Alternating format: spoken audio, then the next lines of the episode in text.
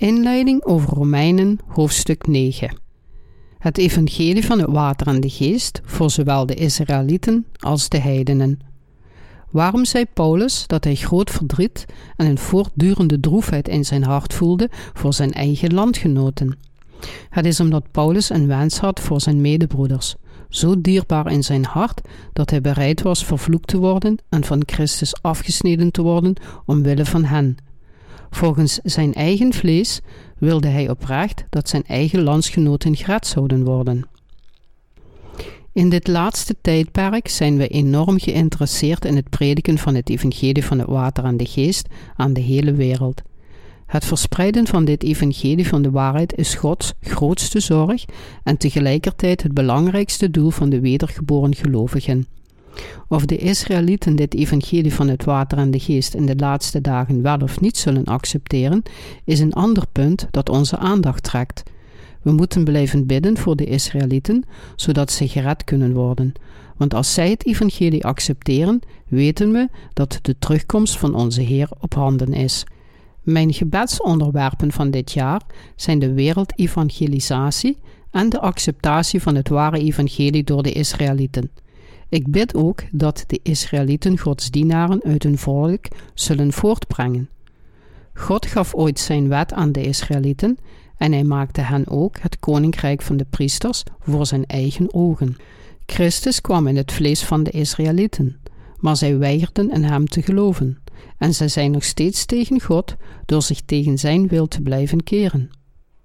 De Heer zei ons dat het moeilijk zou zijn geloof te vinden als hij weer terugkomt. Het is Gods wil dat het evangelie van het water en de geest, die zijn oorsprong vindt in Jeruzalem, over de hele wereld verspreid wordt. Tegenwoordig zijn de harten van de mensen echter verhard. Veel mensen zijn afgedwaald van hun zoektocht naar de waarheid. Onlangs werd in Korea een film uitgebracht met de titel The Last Temptation of Christ, waarin Jezus werd afgebeeld als een onwettig kind. De film zat vol godslasteringen en de centrale boodschap was dat Jezus nooit God was, maar slechts een gewone man, zoals prins Siddhartha van India, beter bekend als Boeddha. Deze film vertrapt de waarheid dat Jezus God is en onze Verlosser. Daarom zei God, doch de Zoon des Mensen, als hij komt, zal hij ook geloof vinden op de aarde. Lucas, hoofdstuk 18, vers 8. Jezus Christus, in wie wij geloven, is God, hoger dan al zijn scheppingen en lovenswaardig tot in alle eeuwigheid. Geboren in de Israëlieten, nam hij alle zonden van de mensheid op zich door gedoopt te worden van Johannes de Doper, bloedde en stierf aan het kruis. Hij rees uit de dood op de derde dag en werd de verlosser voor allen die in hem geloven. De Heer die de gerechtigheid van God werd, verloste ons van onze zonden door diegenen die in Hem geloven te rechtvaardigen. Paulus vertelde ons dat ongeacht hoeveel Israëlieten er zijn, Abrahams nakomelingen, zij die de kinderen van God kunnen worden, alleen diegenen zijn die in Jezus geloven. De Israëlieten zullen in de toekomst met veel beproevingen en tegenspoed te maken krijgen. Het is Gods wil dat sommigen uiteindelijk in onze Heer als hun Verlosser gaan geloven. Ook al heeft onze Heer alle zonden van de wereld weggenomen, inclusief die van de Israëlieten, weigeren ze nog steeds in Jezus als hun Verlosser te geloven. Bent u zwak? Sommigen van ons zullen zwakker of sterker zijn dan anderen, maar voor God zitten we allemaal vol zwakheden. We kunnen de kinderen van God worden, die vrij van zonden zijn, door alleen te geloven dat onze Heer naar deze aarde kwam, onze zondes op zijn schouders nam door zijn doopsel, veroordeeld en gestraft werd namens ons door aan het kruis te sterven. We moeten de kracht van God, die ons tot zijn volk heeft gemaakt en vrij van zonden, loven en erin geloven. Onze Heer is werkelijk geweldig. Sommige mensen denken dat alles bestaat vanwege de mens. Zij denken bijvoorbeeld dat wetten door mensen worden uitgevaardigd en voor hen bestaan. We moeten ons echter realiseren dat niet alles van mensen afkomstig is. Dingen worden alleen mogelijk gemaakt door Gods wil. God schiep deze wereld en het hele universum. Zelfs de door de mens gemaakte wetten die ons regeren, zijn in wezen gebaseerd op Gods wil.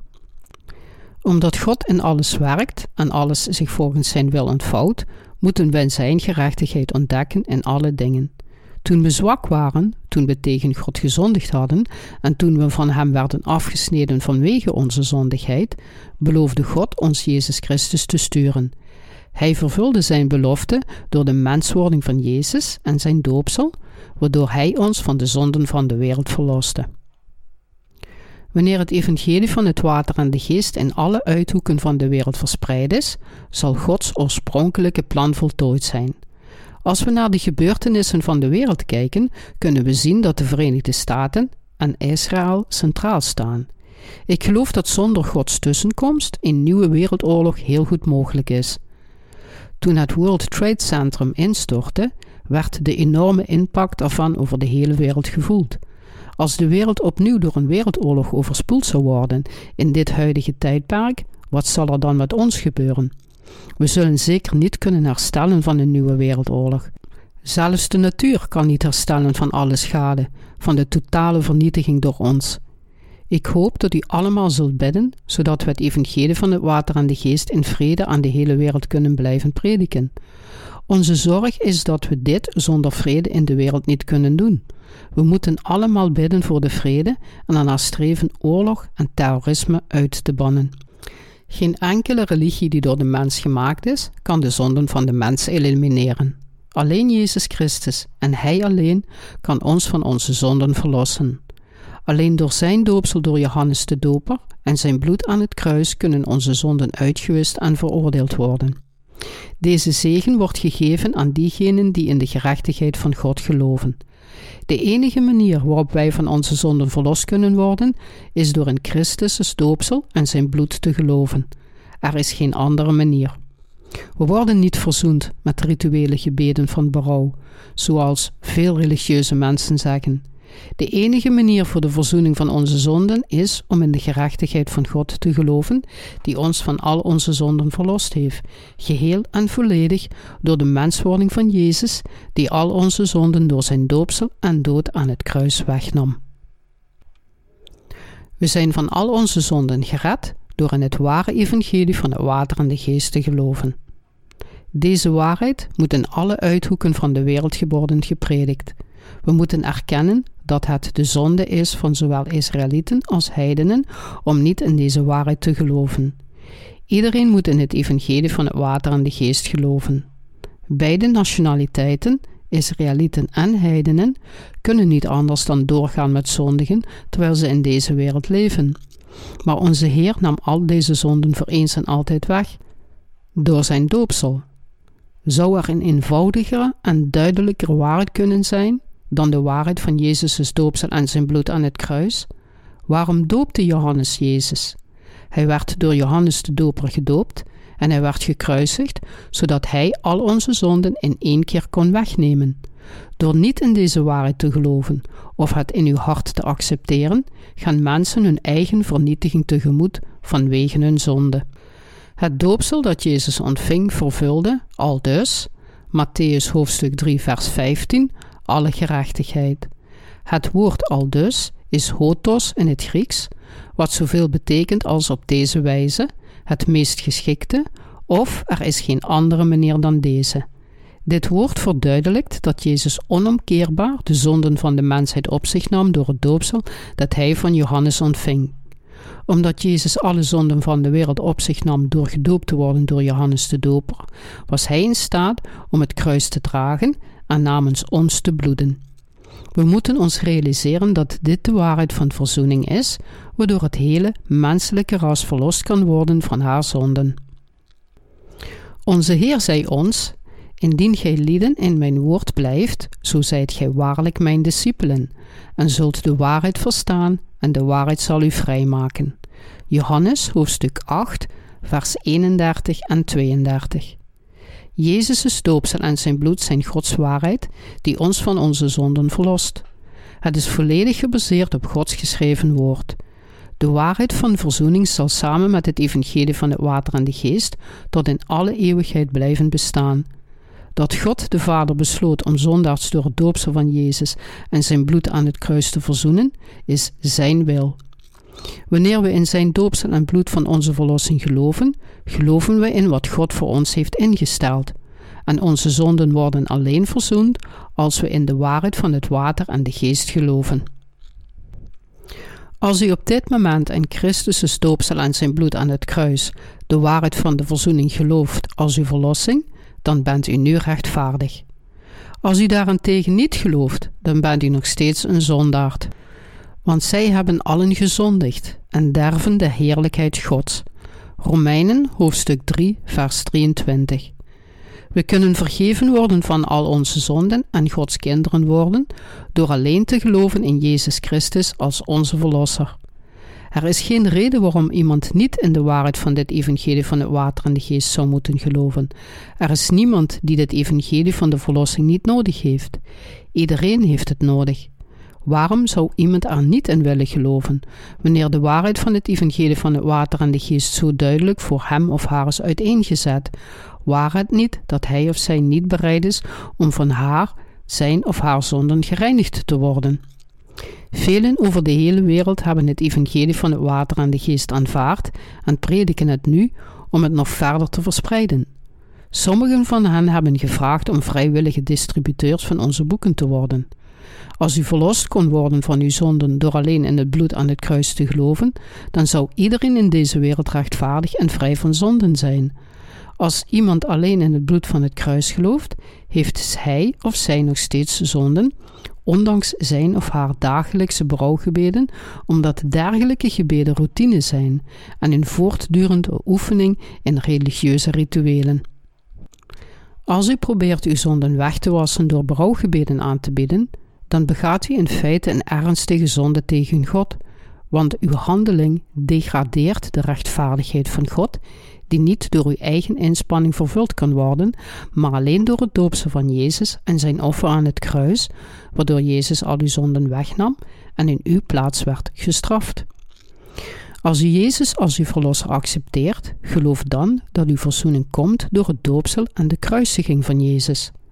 Jezus beloofde om zondags van hun zonden te verlossen en hij kwam zijn belofte na door gedoopt te worden van Johannes de Doper in de Jordaan en door te bloeden aan het kruis om heel de gerechtigheid van God te vervullen. Welke reden is er voor ons om niet in deze waarheid te geloven? U moet in het doopsel van Jezus en in het vergieten van zijn bloed aan het kruis als uw verlossing geloven. De waarheid dat Jezus alle zonden van de wereld op zich nam toen hij gedoopt werd, kan in Matthäus hoofdstuk 3, vers 13 tot en met 17 gevonden worden. Alleen diegenen die niet bereid zijn om voor allen zonden vergeven te worden, zullen weigeren in deze waarheid te geloven. U kunt Gods kind worden en het eeuwige leven ontvangen door alleen in de waarheid van het water en de geest te geloven. Niets anders zal u van uw zonden verlossen. Er is niets wonderbaarlijker dan in deze waarheid te geloven. Niets anders is er een beter geschenk van God dan Zijn vergeving. Van de vele geschenken die God ons gegeven heeft, is de verzoening van onze zonden het beste geschenk van allemaal. Het op één na beste geschenk van dat God ons heeft gegeven is het duizendjarige koninkrijk, waarover wij zullen regeren, en het derde geschenk is dat we daarna in het koninkrijk van de hemel zullen leven en voor eeuwig met God zullen regeren.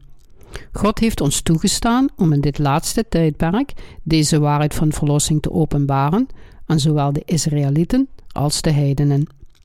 Zoals in de geschriften geopenbaard wordt, zullen twee dienaren van God uit het midden van de Israëlieten opstaan, en God zal door hen wonderbaarlijke wonderen van het evangelie verrichten. De Israëlieten zullen dan het evangelie van het water en de geest door de twee dienaren horen, die God uit hun eigen volk zal doen opstaan, en velen zullen in Jezus als hun Messias gaan geloven. We wachten op die dag, net zoals Johannes gewacht had door te zeggen: Kom, Heer Jezus. Openbaringen, hoofdstuk 22, vers 20. Als de tijd komt dat de Heer weer terugkomt, zult u zich realiseren hoe dankbaar u bent dat u in deze waarheid geloofde, waardoor u vergeven en gered bent. Het is mijn grootste hartenwens dat u van al uw zonden verlost wordt door in de waarheid van het evangelie van het water en de geest te geloven. De wereld zal veranderen, maar het evangelie van het water en de geest, waardoor God ons van onze zonden gered heeft, is onveranderlijk en de eeuwige waarheid.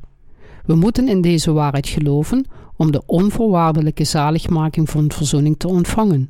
Mogen de waarheid van Gods zaligmaking de uwe zijn. God heeft ons verlost door ons vaten van barmhartigheid te maken. Romeinen hoofdstuk 9 vermeldt dat God Jacob redde omdat hij meer van hem hield dan van Esau. Zo werd Jacob tot een vat van genade gemaakt, terwijl Esau tot een vat van toren werd gemaakt. Dit roept de vraag op waarom. Dit wil zeggen, gaf God de voorkeur aan Jacob boven Esau. Ongetwijfeld zullen er genoeg mensen zijn die beweren, omdat God er eenzijdig en bevooroordeeld voor koos om de ene persoon lief te hebben en de andere onvoorwaardelijk te haten, waren zijn voortbestemming en selectie verkeerd. Als we naar de wereld kijken die door God geschapen is, kunnen we zien hoe prachtig en puur zijn scheppingen zijn. Planten, dieren en alle andere dingen die door God geschapen zijn, lijken zo perfect. Hoe kan God dan de ene persoon liefhebben, terwijl hij een andere met vooringenomenheid haat? Maar dit is niet het geval. Door de ongehoorzaamheid van Adam en Eva kwam de zonde in de wereld en vanwege deze zonden waren allen die na hen kwamen voortbestemd om in de zonden te blijven en konden ze het niet vermijden om tot de hel veroordeeld te worden. Alleen omdat God Jacob van de zonde redde en Esau niet verloste, betekent niet dat hij iets verkeerds deed. In zijn ogen had God alle reden om dat te doen. We kunnen veel mensen vinden die zich als Esau gedragen binnen de christelijke gemeenschap. Typerend voor zulke mensen is dat zij nooit een dienst zullen missen, ongeacht waar of wanneer deze wordt gehouden, van de vroege ochtenddienst tot de late nachtdienst. Sommigen zullen waarschijnlijk meer tijd in de kerk doorbrengen dan thuis, terwijl ze pendelen tussen het werk en de kerk, niet hun huis. We kunnen ze religieuze hardlopers noemen. Onder hen zijn er echter velen die de gerechtigheid van God niet serieus nemen. En dit komt omdat ze proberen hun eigen gerechtigheid op te bouwen en daarbij Gods gerechtigheid negeren. Zelfs zij die Gods gerechtigheid negeren, willen nog steeds naar de hemel gaan en hun zonden vergeven zien. Maar ze proberen met hun inspanningen hun eigen gerechtigheid voor God en andere mensen te vestigen, niet om van hun zonden gered te worden. God zei tegen diegenen die niet in zijn gerechtigheid geloven, dat het geloof in Gods gerechtigheid niet voor iedereen is. Wat voor soort mensen kunnen dan in Gods gerechtigheid geloven? Ze zijn de mensen die hun zondigheid erkennen, die in hun eigen geest beseffen dat zij niets waard zijn zij zijn het soort mensen die wanneer zij Gods gerechtigheid ontdekken door zijn verzoening, gemanifesteerd in het evangelie van het water en de geest, er onmiddellijk in geloven en de heerlijkheid naar God keren. Dat wij in Gods gerechtigheid geloven en dus gered zijn, betekent dat wij meelijwekkende mensen zijn die Gods gerechtigheid nodig hebben. Anders zijn we verdoemd in zonde te leven voor de rest van ons leven. Maar zij die hun eigen gerechtigheid voor God zoeken, zijn zij die trots zijn. Zo'n persoon zal zeggen: Heer, ik heb u tienden gegeven, ben de hele nacht opgebleven om u mijn berouwgebeden aan te bieden, heb nooit een dagelijkse ochtenddienst gemist in de afgelopen tien jaar en heb goede daden voor u gedaan. God zou echter meer verheugd zijn als hij of zij had erkend dat hij of zij helemaal geen gerechtigheid heeft en dus in Gods gerechtigheid moet geloven door de verzoening van het water en de geest, in plaats van te proberen te bewijzen door zijn of haar eigen inspanningen iets wat hij of zij niet heeft en niet kan hebben. Zelfs nu zijn er veel mensen in de christelijke gemeenschap die allerlei dingen doen om te proberen hun eigen gerechtigheid te tonen. Sommigen voeren zelfs trouw hun woorden uit, maar omdat zij niet geloven in Gods gerechtigheid, gemanifesteerd door het evangelie van het water en de geest, zijn hun zonden niet volledig weggewassen. God zal hun einde beslissen. We hopen allemaal dat ze Gods ware kinderen zullen worden door de vergeving van zonden door hun geloof in het doopsel en het bloed van onze Heer als de waarheid van verzoening. Over de vaten van zaligmaking zei de apostel Paulus dat God genade heeft met wie hij genade heeft en medelijden heeft met wie hij medelijden heeft. Wie zijn dan de mensen die Gods genade ontvangen? Mensen kunnen niet naar Gods woord leven, al zouden zij dat werkelijk willen. Zij struikelen telkens weer, ondanks hun oprecht verlangen om in zijn woord te geloven en erna te leven. Uiteindelijk voelen ze zich schuldig voor God, zitten vol schuldgevoelens en denken dat zij het verdienen om tot de hel veroordeeld te worden. Dus vragen zij God genade met hen te hebben, terwijl ze erkennen dat zij meelijwekkend zijn in zowel deze aardse wereld als ook in het koninkrijk van God. Omdat zij weten dat zij niet gered kunnen worden, tenzij God genade met hen heeft, vragen zij hem wanhopig om deze genade. De verlossing van de zonde wordt met andere woorden gevonden door diegenen met wie God medelijden heeft en met wie hij genade heeft. Voor deze mensen gaf God het evangelie van het water en de geest door zijn enige geboren zoon alle zonden op zich te laten nemen door zijn doopsel, aan het kruis te sterven en uit de dood te herrijzen, allemaal om hen van een zekere vernietiging te verlossen. Onze Vader heeft genade met diegenen die meelijwekkend zijn. Maar het lijkt alsof er meer mensen zijn waar God toren over heeft, dan mensen met wie hij genade heeft in deze wereld. God vertelde ons dat er in de christelijke gemeenschap van vandaag zowel vaten van genade als vaten van toorn zijn. Met andere woorden, er zijn mensen die door God worden bemind en er zijn mensen die niet door Hem worden bemind. Romeinen hoofdstuk 9, vers 17 vertelt ons: Want de schrift zegt tot Farao: Tot ditzelfde heb ik u verwekt, opdat ik in u mijn kracht bewijzen zou en opdat mijn naam verkondigd worden op de ganse wereld. God stond toe dat mensen, zoals de farao, opstonden, zodat zijn macht bekend zou worden. Aan de vaten van genade heeft hij echter zijn liefde getoond, zodat zijn naam over de hele wereld verkondigd zou worden. Vanwege onze zonde en Gods toren waren we allemaal voortbestemd voor de hel. Maar we werden gered van al onze zonden, omdat God ons zijn liefde voor gerechtigheid heeft geschonken, want hij had genade met diegenen onder ons die in hem geloofden. Zij die niet in de gerechtigheid van God geloven en alleen geïnteresseerd zijn in het nastreven van hun eigen gerechtigheid, keren zich tegen God. Dit zijn de mensen die God voor zijn toren heeft achtergelaten om zijn krachtige toren te laten zien, moeten er mensen zijn die zich tegen hem verzetten, en hierdoor wordt de gerechtigheid van Gods oordeel getoond. Mensen als de farao zijn de mensen die de liefde van Gods gerechtigheid geweigerd hebben. God gaf de farao tien plagen, en de laatste was de plaag van de dood. Voor diegenen die God hebben geweigerd, wacht alleen het eindeloze meer van vuur, en dit is de toren van Gods kracht. Er zijn veel machtige mensen in deze wereld en velen die God ontkennen, maar God zal hen uiteindelijk neerhalen om de kracht van zijn toren te verkondigen. Daarom laat hij de verharde harten van diegenen die hem ontkennen met rust. Wat dus belangrijk voor ons is, is hoe we de vaten van genade kunnen worden, want door dit te worden kunnen we geloven in de liefde van Gods gerechtigheid. We hebben niets om te laten zien voor God. In plaats daarvan zijn we geboren om Zijn rechtvaardige liefde te geloven. De Bijbel vertelt ons een verhaal over een tollenaar en een fariseer die tot God bidden. God had genade met de eerste, terwijl hij er geen had voor de laatste. Mensen die zijn als de tollenaar zijn diegenen die voor God erkennen dat zij niets goeds hebben gedaan en dat zij alleen maar tekort zijn geschoten in zijn heerlijkheid. Daarom vragen ze God om zijn genade. Dit zijn het soort mensen die bekleed zullen worden met de liefde van Gods gerechtigheid. Maar mensen die als de Fariseeën zijn, scheppen constant op over hoeveel zij voor God gedaan hebben, dat zij tienden gaven, twee keer per week vasten, dat zij bidden en religieus vroom zijn. Afhankelijk van waar wij voor God staan, zullen we ofwel bekleed worden in de liefde van Gods gerechtigheid, of onderworpen worden aan de toren van zijn straf. Als we ons hart voor God verharden, zullen onze zonden nooit vergeven worden. En zonder vergeving zal ons bestemming de hel zijn. Het evangelie van het water en de geest is over de hele wereld gepredikt, en diegenen die niet gered zijn, worden niet gered alleen maar omdat hun hart verhard is. Er is niets rechtvaardigs in de mens, en alleen door geloof kunnen we bekleed worden met Gods rechtvaardige liefde. God haat diegenen die, hoewel God hen maakte, weigeren zijn gerechtigheid te erkennen.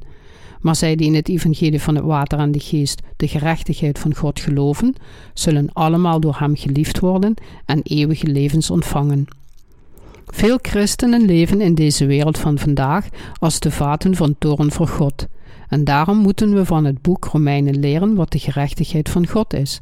De reden waarom God sommigen lief heeft en anderen niet, is omdat sommigen in zijn gerechtigheid geloven, terwijl anderen daar niet in geloven.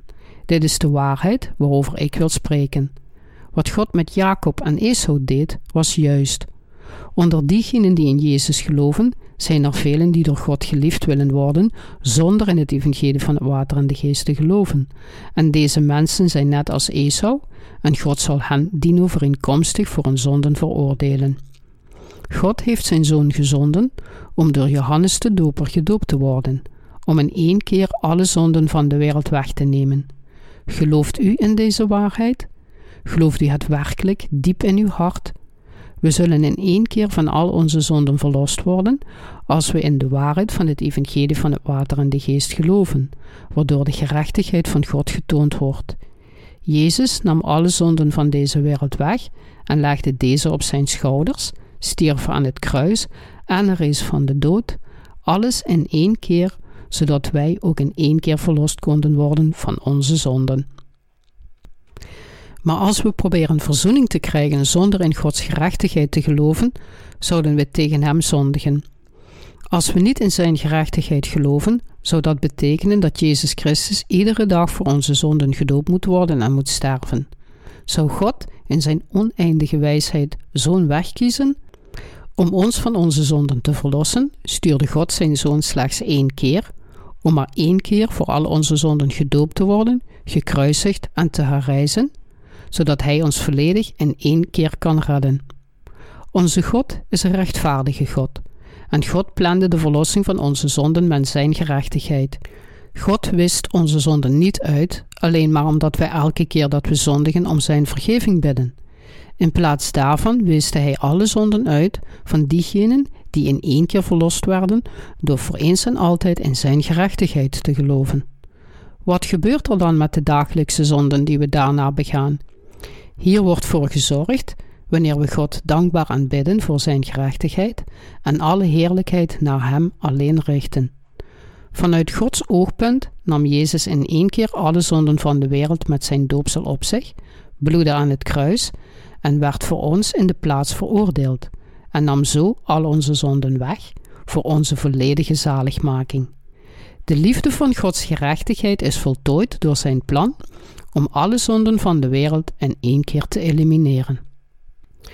Romeinen hoofdstuk 9, vers 25 verklaart, gelijk hij ook in Hosea zegt: Ik zal hetgeen mijn volk niet was, mijn volk noemen, en die niet bemind was, mijn beminde.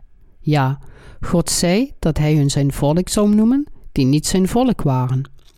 Omdat de gerechtigheid van God waarin wij geloven geen theorie is, maar werkelijkheid, zijn wij van al onze zonden verlost door in zijn gerechtigheid te geloven.